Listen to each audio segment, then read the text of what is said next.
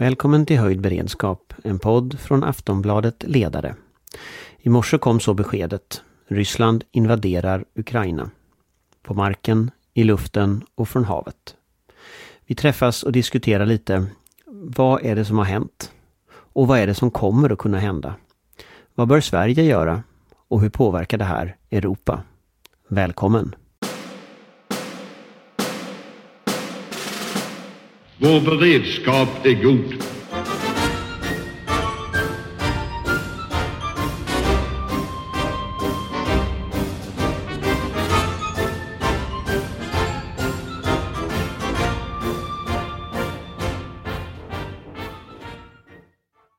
Ja, och med mig idag i eh, cyberrymden så har jag då eh, jag, Anders Lindberg, eh, Amanda Wåhlstad, eh, Patrik Oksanen och Johan Viktorin. Vi kan väl börja med dig Johan. Eh, vad är det som händer? Ja, det vi ser nu hända är ju ett oprovocerat angreppskrig mot den ukrainska unga demokratin. Där Ryssland anfaller på bred front från tre olika riktningar. Eh, vi ser hur man skjuter ut eh, ukrainska militära installationer, precis som vi gick igenom här för någon vecka sedan, att man satsade på att degradera den ukrainska militära eh, infrastrukturen och de tyngre förbanden och det är precis det man ägnar sig åt just nu. Man anfaller från Krimhalvön norrut eh, mot Dneperfloden. Jag har sett bilder eh, på förband som har nått Dnepr, alltså tätförband. Det är inte speciellt oväntat. Man anfaller från Eh, de ockuperade områdena i eh, Donbass. Försöker man bryta igenom eh, linjerna, där säger ukrainska försvarsministeriet att något genombrott ännu inte har skett. Vi har väl sett att det har funnits lite dålig stridsmoral där på de rebellstyrkor, så frågan är då vilken uppbackning man får från ryska reguljära armén i det här fallet. Och sen anfaller man eh, väster om Charkov. Eh, så att, eh, och där påverkar det pågå en hel del strider och jag såg precis ögonvittnesuppgifter om hur man förbereder så att säga gatustrider eh, och försvara Charkiv. Nu tror jag ju att, eller bedömer jag att Ryssland nog har ett starkare intresse att gå förbi Charkiv och möjligen göra räder in i den stan, men inte att försöka sig på något stort slag. Och slutligen så anfaller man från norr. Man har gått över både från marken från från Belarus. Och man har också, verkar det som, gjort en luftlandsättning eh, nordväst på en militär flygplats nordväst om huvudstaden Kiev och meningen med den är sannolikt att kunna flyga in transportflygplan med lätta mekaniserade trupper från luftlandsättningstrupperna. Eh, det är vad jag har för bild av läget just nu. Om man kastar ett ögonkast framåt, kommer man att ta Kiev?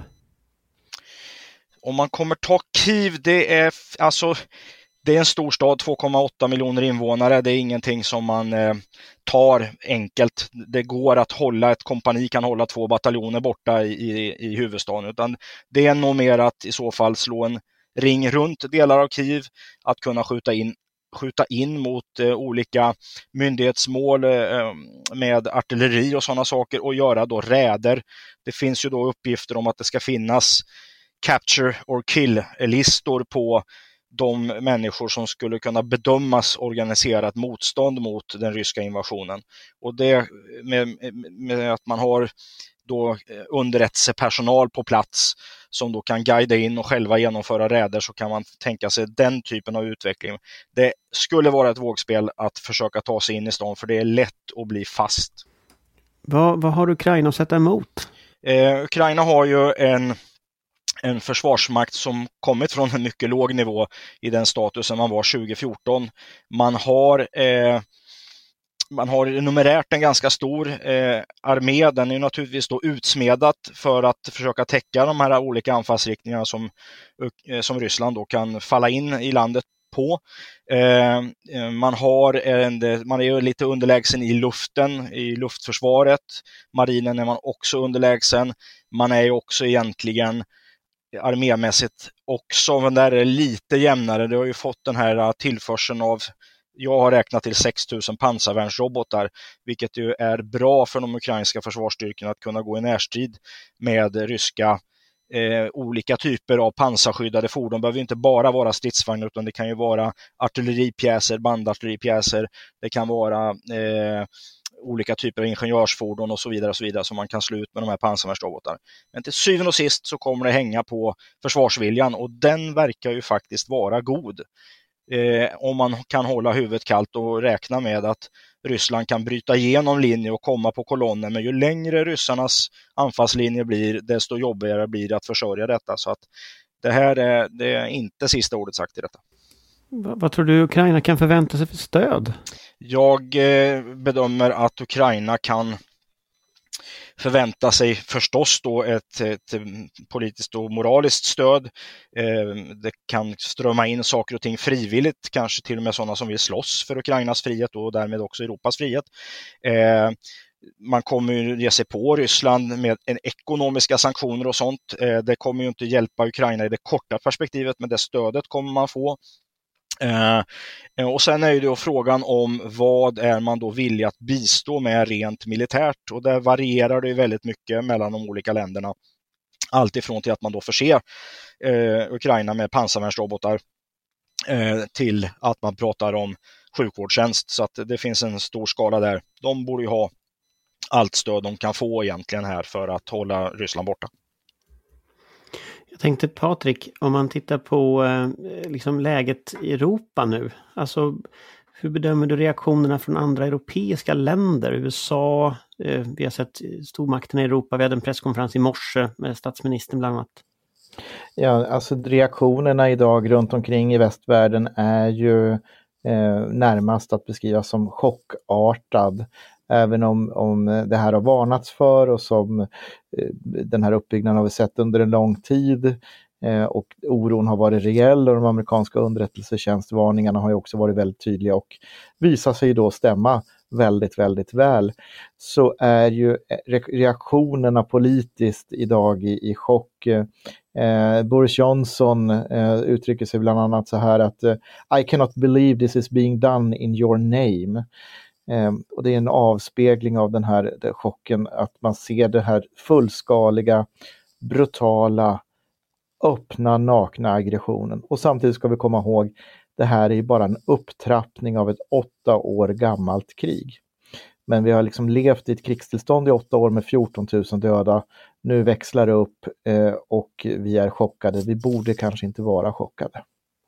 Alltså jag tänker om, om man tittar på Boris Johnson till exempel, han använder ordet diktator om, om Putin. Alltså det är ganska hårda ord. Finns det liksom några tecken på att man, man eh, backar upp de här hårda orden med någon form av handling nu? Det, var, det är mycket så här vi står bakom Ukraina och sånt men händer något sånt? Ja, vi, har ju sett uppbackningen. Eh, Johan nämnde ju då eh, 6000 pansarvärnsvapen som kommer till väl användning för den ukrainska armén. Vi kan förvänta oss eh, mycket mera hjälp och stöd på många olika sätt. Jag förväntar mig att eh, eh det redan idag sker och eh, kommer säkert att ske fortsatt så lägesbildsdelningar, underrättelsehjälp eh, och materiell hjälp i, i, olika former. När det gäller sanktionerna så förväntar jag mig att vi kommer nu att se de här starka sanktionerna som har blivit utlovade och där väntar vi ju liksom på, på besluten. Eh, EU har ju möte ikväll bland annat så att eh, jag förväntar mig att vi kommer att se en, en reaktion som blir stark och jag skulle säga att den här händelsen, det här datumet 24 februari 2022 kommer att vara en svart dag för Europa och någonting som europeiska politiker i den här generationen kommer att bära med sig och bli präglad av. Jag tänker Amanda, vad bör göras nu från Sverige och EUs sida? Ja, allt höll jag på att säga och eh, det är ju en mening oroväckande de här chockreaktionerna vi ser runt om i Europa, förståeliga på ett sätt naturligtvis, men det är ju ändå precis det här Putin har hotat med eh, ganska länge nu. Eh, och eh, det finns ju naturligtvis en hel del planer framtagna på vilka sanktioner som kan vara möjliga och så vidare, men, eh, men att man inte var beredd att ta till dem i princip samma sekund som, som granaterna började regna är ett underbetyg, därför att det här är ingen chock egentligen. Vi, vi visste att det här kunde hända. Um, och vad man bör göra är ju naturligtvis allt uh, och det är på alla nivåer. Uh, statsministern var ute och pratade om att det skulle gå emot praxis att exportera vapen till Ukraina. Invasioner, alltså fientliga invasioner av liksom närliggande länder i modern tid är också emot praxis. Vi, vi får på något vis släppa de här eh, idéerna nu och de här, vi kan inte förhålla oss neutrala i det här läget. Ehm, vare sig moraliskt eller praktiskt. Vi måste understödja Ukraina så långt vi har möjlighet. Vi måste själva öka vår beredskap, inte för att jag tror att det finns en omedelbar eh, territoriellt hot mot Sverige, men det här kommer naturligtvis sprida sig och stöka lite överallt och runt om. Det finns ju för olika typer av gråzonsproblematik till exempel när eh, Ryssland vill splittra och eh, distrahera. Eh, vi bör erbjuda politiskt stöd. Vi bör markera så enkla och i en mening kanske fåniga saker som att vi inte ska skicka några idrottare till Ryssland. Vi ska inte acceptera att Ryssland får vara med och delta i Melodifestivalen, vilket European Broadcasting Company var ute och sa idag att de inte ser någon anledning att förbjuda Ryssland från att delta i Eurovision. Eh, vi måste liksom unisont kräva att antingen får Ryssland stanna hemma från sportevenemang, kulturevenemang, tävlingar eller så gör vi det. Vi måste markera på alla nivåer därför att det är inte oviktigt. Det är naturligtvis oviktigt i den akuta militära konflikten men det är inte oviktigt vare sig för, för Ryssland eller för liksom, det moraliska eh, spektrat av det här. Så att det, det handlar om allt från kraftiga sanktioner och då snackar vi liksom inte smågrejer, utan nu, nu det är inte så mycket mer kvar att eskalera. Nu är invasionen på gång. Då kan vi inte hota med vad vi ska göra sen utan då får vi prata om vad vi ska göra nu. Så allt från sanktioner, ekonomiska och, till ett direkt militärt stöd av Ukraina. Jag tycker absolut vi ska skicka, om vi har någon tillräcklig materiel som kan vara till nytta så, så ska vi skicka den. Vi ska stödja Ukraina med allt vi, vi har och kan eh, till att på alla diplomatiska och, och kulturella samarbetsarenor eh, väldigt tydligt ta ställning för Ukraina och mot Ryssland. Johan viftar här på eh, om stöd. Det är viktigt med eh, att framhålla också att eh, den ryska regimen räknar ju med att vi ska falla undan, att de ska få göra det här de kan med den typ av motstånd från omvärlden som de har räknat med. Och det gäller alltså att vräka undan de ryska planerna och därför är det extra viktigt då att man ger ett mycket större stöd än vad man tror att de har räknat med. Och det innefattar bland annat då militära vapenleveranser. Vi får inte glömma bort att det här är en regim som kontinuerligt har bombat systematiskt sjukvårdsinrättningar, bagerier och liknande saker i Syrien. Helt urskillningslöst. Till en sån mån som att det gick så långt så att Läkare utan gränser vägrade att lämna information till FN om var man grupperade sina sjukhus i Syrien, för det ledde ändå till att man blev bombad så fort man hade lämnat ut den informationen. Så det här är en regim som kan ta till väldigt långtgående medel, även om de just nu tycks inrikta sig på det ukrainska militära motståndet eftersom det är det man måste ta itu med först. Men vi vet inte som sagt var det här tar vägen och därför behöver vi eh, ge mycket, mycket stöd till Ukraina så att man liksom slåss mot de, eh, de ryska planerna här egentligen. Att göra mer än vad de har räknat med. Den, brutal, den, brutaliteten som eh, Johan här pratar om, den har vi också sett Ryska federationen använda mot sina egna medborgare i Tjetjenien eh, med en stor, stor grymhet och eh, hänsynslöshet. Så att det finns ett, ett, ett stort våldskapital som inte tar de hänsyn som vi tar generellt i vårt synsätt på hur krig ska utföras. Så att eh, det här är eh, mycket, mycket bekymmersamt att se vad som kommer att hända framöver.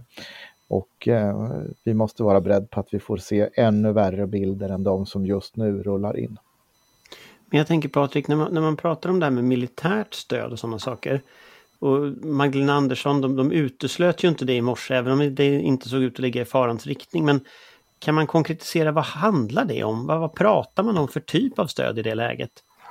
Eh, ja, vi behöver det... väl vårat militära materiel själva? Ja, det är ju som så att eh, det kan ju finnas eh, saker och ting som, som vi kan undvara. Just nu så gör ju det, med den materielen större nytta i Ukraina eh, än, än vad det gör liggande i ett förråd här. Eh, och då kan det ju röra sig om till exempel eh, pansarvärnsvapen och, och, och, sånt. Men den, den, eh, exakt vad, vad vi har som vi kan skicka, det är inte jag den experten att, att riktigt fördjupa mig i. Jag kan konstatera att vi har nog saker och ting vi kan skicka om det behövs. Och sedan har vi också andra saker vi kan bistå med och det är ju det, det är liksom cyber och teknologi eh, eh, kring, kring det och kompetens för att, att eh, göra att Ukraina kan hålla ut bättre på, på fler sätt. Ja, eh, för personligen så tänker jag ju att det är mer sådana saker som Sverige är bra på, alltså högteknologi, underrättelseverksamhet. Jag föreställer mig att FRA har ganska bra koll på, på läget till exempel. Eh, att man kan bistå med kanske mjuk, mer mjukvara egentligen kanske än, än just, just pansarvärnsrobotar, även om jag inte vet, alltså jag, jag, vet inte exakt vad det är de, de funderar på liksom i, i regeringen. Eh, men det var ju uppenbart att det var en diskussion som man förde. Eh, och det är bra Amanda, att man har en sån förutsättningslös diskussion också. Ja, sen ska vi inte glömma att detta, vi, vi ser början på en enorm humanitär kris idag. Vi ser ju enorma köer på väg ut ur Kiev, folk som försöker ta sig ifrån. Eh, Polen har öppnat gränsövergångar eh, och erbjuder humanitärt stöd till ukrainska flyktingar. Eh, folk köar för mat, bensin, kontanter. Eh, vi ser kraftiga bombningar även liksom, i närheten av civila mål där har vi också stora möjligheter att erbjuda hjälp, alltså ren humanitär katastrofhjälp och där har vi också goda erfarenheter från andra länder. Så där tror jag också finns en stor roll för Sverige att spela. Vi ska inte glömma det att, att eh, militärt stöd behövs och eh, skulle skicka en viktig signal. Eh, men vi bör nog helt enkelt skicka allting vi kan för att hjälpa Ukraina. Detta riskerar att pågå länge, det kommer drabba folk väldigt hårt. Vi bör också se över möjligheterna till jag menar, ökad handel, ekonomiskt stöd, eh, kulturellt utbyte, stödja Ukraina som, som stat på alla sätt vi kan helt enkelt. Mm. Om, om, vi tänker eh, liksom militärt och, och, om man skulle titta på den situationen, Johan, vad, vad händer nu om du tittar på, på rysk krigföring? Nu kommer ju Ryssland fortsätta sin anfallsrörelse eh, framåt. Eh, en, en, bedömning skulle kunna vara att de försöker liksom nå Dnepr från eh, Ehm, västra sidan av Charkov så att säga i riktning mot Dnepropetrovsk, precis som vi pratade om förra veckan, för att på det sättet skära av ukrainska styrkor i öster.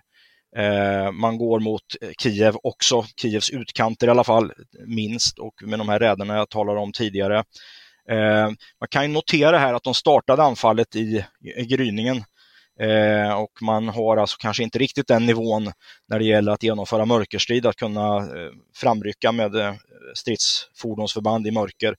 Eh, det är en liten observation och en annan observation är också att man verk, trots att man har skjutit eh, över hela Ukraina med olika typer av precisionsvapen så är det frågan om man har sagt satt in allting och man får inte glömma bort att det här ska ju också så småningom ersättas när det gäller precisionsvapen och de tar en liten stund att bygga vardera ett så att man gör ju av med en hel del eh, kvalificerad ammunition i det här anfallet också. Till slut kommer det här, som jag har sagt förut, att det kommer handla om den ukrainska försvarsviljan och det stöd då som vi ger dem. Jag tänkte Patrik, eh, hör du mig Patrik? Jajamensan. Ja. Jag tänkte om man tittar på, på den politiska situationen som det här nu skapar i Europa. Eh, vad, är liksom, vad är din bedömning att det här kommer att leda till för Sveriges del? Eh, vi såg ju pressträffen i morse och vi har sett utspel av flera olika liksom, partier och sådär. Vad, vad, vad, vart, vart kommer det här att ta vägen? men det här kommer ju att eh, bli ett behov av, av svensk politisk samling. Vi har ju en rad olika saker att ta itu med när det gäller vår egen försvarsförmåga, på totalförsvarsförmåga, vår förmåga att hantera den här krisen som nu blir. Och eh, jag förväntar mig att vi kommer att se ett, ett mycket intensivt arbete på att, eh, att skynda på det. Och vi har ju pratat om behoven många gånger så att jag tänker inte att vi ska gå in på det idag. Men, men eh, eh, det är klart att vi vaknar upp idag till en febril aktivitet i, i regeringskansliet och i, i, runt regeringen och, och i de politiska partierna för att eh, då börja hantera situationen. Om jag tänker på det så tänker jag att det är två saker som händer nu. Dels försvarsberedningen är ju redan inkallad. Eh, och, och, och, där tänker jag att det kanske är så att man borde egentligen ge någon form av tilläggsdirektiv till försvarsberedningen för att hantera, alltså man kallar det post-Ukraina. Det kommer ändå vara ett helt nytt läge som man har nu. Eh, och betydligt fler frågor som är på bordet. Eh, dels så är ju det här 1,5 målet får man nog säga nu, definitivt överspelat. Det, det kommer inte att gå att, att liksom ha en försvarsmakt på den nivån. Och, och om vi pratar 2% eller om vi pratar över det, det vet jag inte i dagsläget, men det är väl ganska uppenbart i alla fall att den nivå man har haft kommer inte att fungera. Och det andra är ju den säkerhetspolitiska analysen. Eh, politikerna säger ju mycket att den redan har tagit höjd för detta. Men, men där, om man tittar på vad som faktiskt står, så, så hamnar vi i en situation när Ukraina är ockuperat med flyktingkriser, med svallvågor runt om i Europa till andra länder, då har man nog inte riktigt tagit den höjden. Och där är ju frågan liksom hur vi ska hantera, så där tänker jag att det kanske är läge att man förbereder det.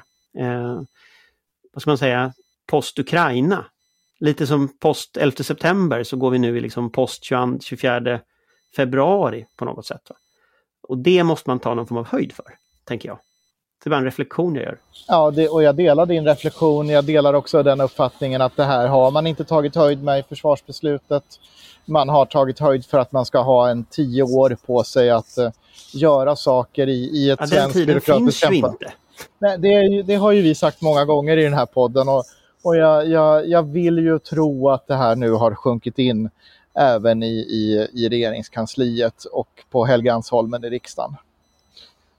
Har det det, Amanda, tror du? Ja, så något eh, kraftigare wake-up call än så här kommer, ju inte, kommer det inte bli. Eh, och som sagt, jag tycker att det är direkt oroväckande hur förvånade människor, både makthavare i Sverige men även i andra länder, eh, tycks vara av att det här nu har skett. Därför att det här har varit en möjlighet länge. Eh, det är precis vad Putin har sagt att han ska göra. Men eh, ja, vad är alternativet? Jag, jag, tror att det är svårt att, att ignorera att eh, en huvudstad i eh, närheten av Stockholm, i, i, mitt i Europa, just nu bombas av, av eh, Ryssland. Eh, det går inte att ignorera det här längre och eh, det kommer naturligtvis det kommer naturligtvis få efterverkningar för allt och alla, inte minst i Nordeuropa. Alltså för, det, för den frågan som jag, jag tänker också rent så här, liksom, var, varför har det tagit så lång tid för Europa att, att reagera på signalerna från Ryssland? Johan?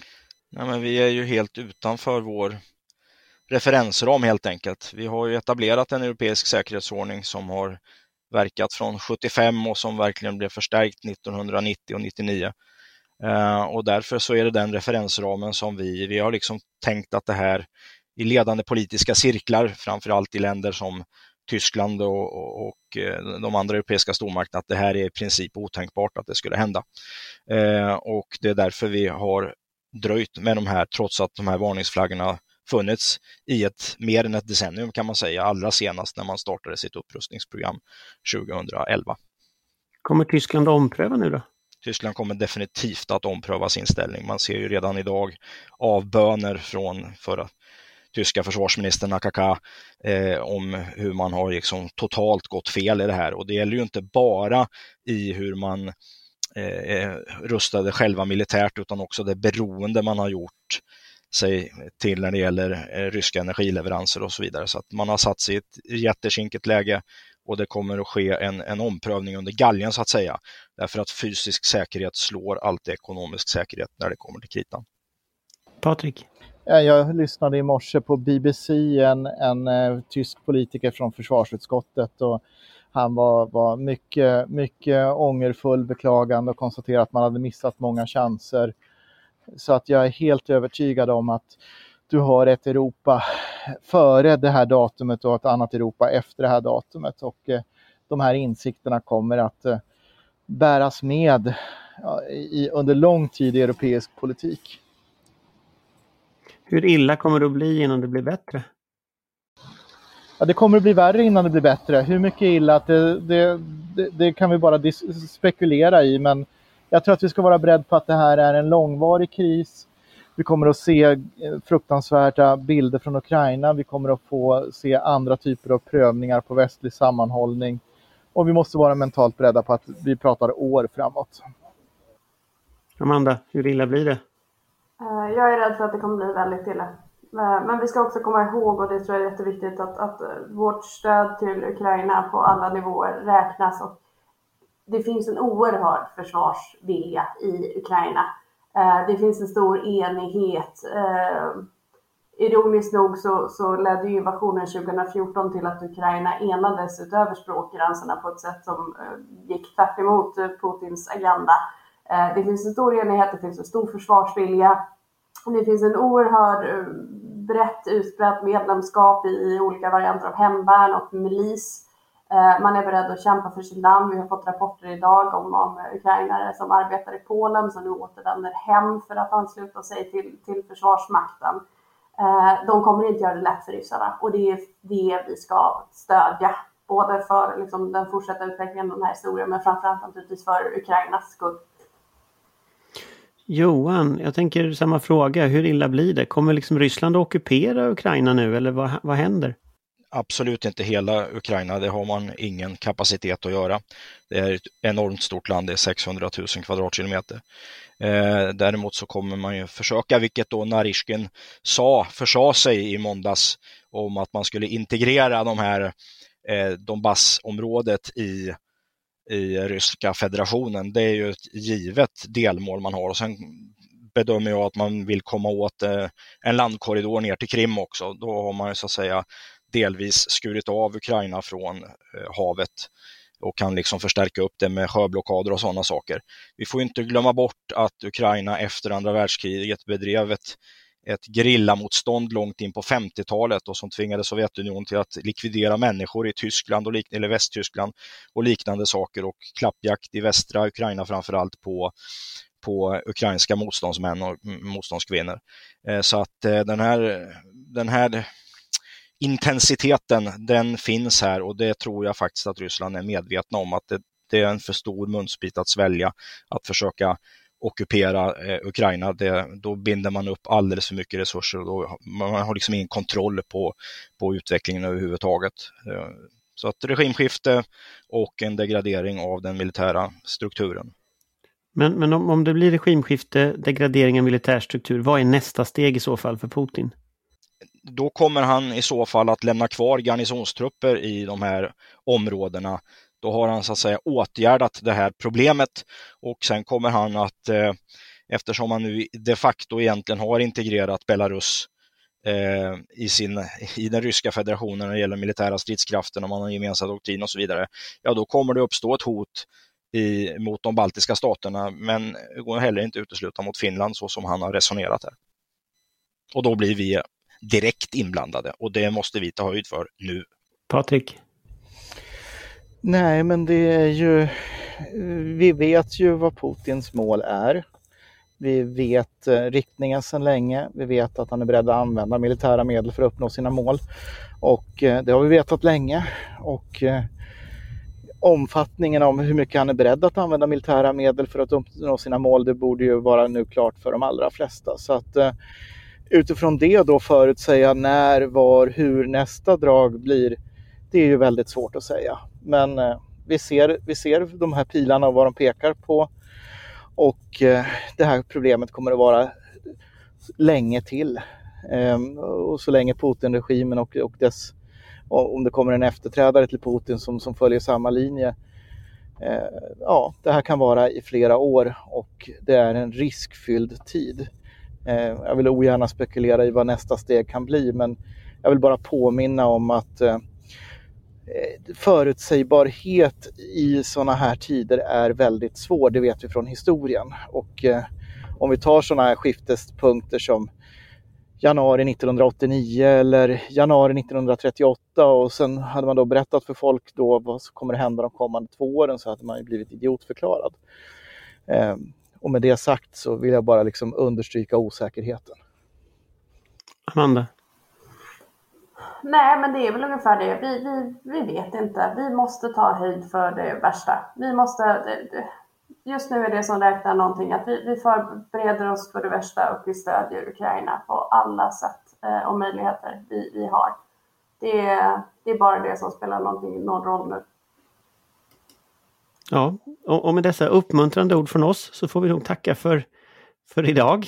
Eh, och vi vet inte vad som händer. Eh, det kom i morse 03.59 så kom flashen Ryssland inleder insats. Rysslands president Vladimir Putin meddelar i ett tv-tal att en militär insats i östra Ukraina inleds. Och vi är några timmar efter det, så vi vet av naturliga skäl inte så mycket mer än att det händer. Eh, så så ser läget ut. Och tack så mycket för oss just nu. Vi återkommer. Tack så mycket hörni. Vår beredskap är god.